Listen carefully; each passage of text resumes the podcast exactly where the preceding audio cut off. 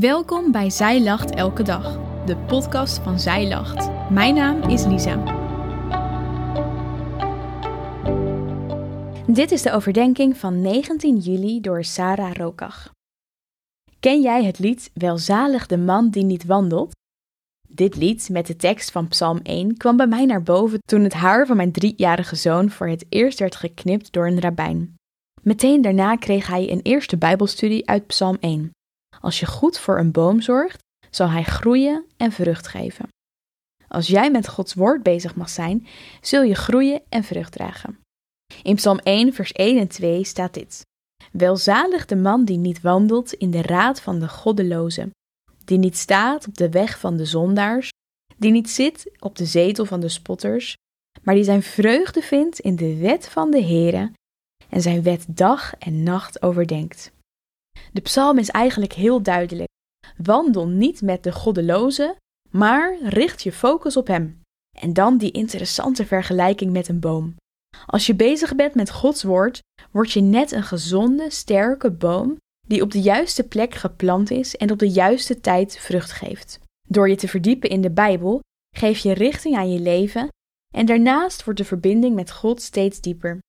Vreugde vinden in de wet is een leerproces. Het kost tijd en vraagt je volle aandacht. In het Jodendom wordt dit extra benadrukt door de traditie van de Galake of de Upserin, zoals de Europese Joden het noemen. Het is een ritueel waarbij de haren van driejarige kinderen voor het eerst worden afgeknipt. Dat kleine kind heeft nog geen idee van wat hem te wachten staat in het leven, maar hij krijgt wel alvast een hele belangrijke tool in de handen: de Bijbel.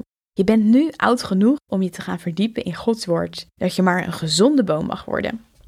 In Leviticus 9, vers 23 staat: Wanneer u in het land komt en allerlei vruchtbomen plant, moet u de vruchten ervan als verboden beschouwen. Drie jaar lang zullen ze voor u verboden zijn. Er mag niet van gegeten worden. Waarom na die drie jaar? Waar komt het ritueel vandaan? In Leviticus 19 lezen we dat het verboden is om de vruchten van een nieuwe, net geplante boom te plukken. Er mag drie jaar lang niet gegeten worden van de boom. Na deze drie jaar worden de beste vruchten van de boom geplukt en naar Jeruzalem gebracht om God te danken. Vanaf die dag mogen we van de boom eten en wordt ervoor gezorgd dat het een gezonde boom blijft, die vrucht voortbrengt en verder groeit.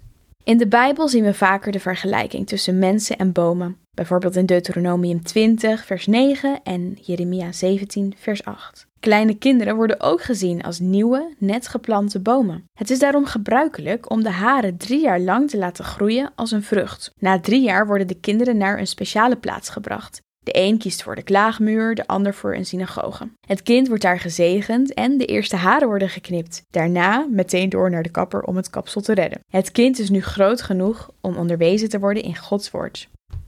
Zoals we een boom snoeien, water geven en zelfs wat voedingsstoffen toevoegen zodat de boom ieder seizoen weer tot bloei komt, zo wordt en blijf jij een gezonde boom als je onderwezen wordt in zijn woord.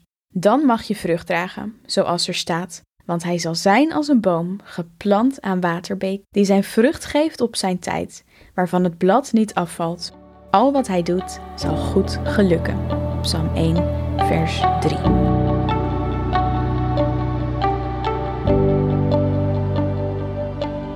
Dankjewel dat je hebt geluisterd naar de overdenking van vandaag. Wil je de overdenking nog eens nalezen? Check dan onze website. Je vindt daar ook nog meer toffe dingen die jou helpen om de Bijbel vaker te openen, zoals boeken, Bijbels, cursussen en evenementen. Morgen ben ik weer bij je terug met een nieuwe overdenking. Tot dan!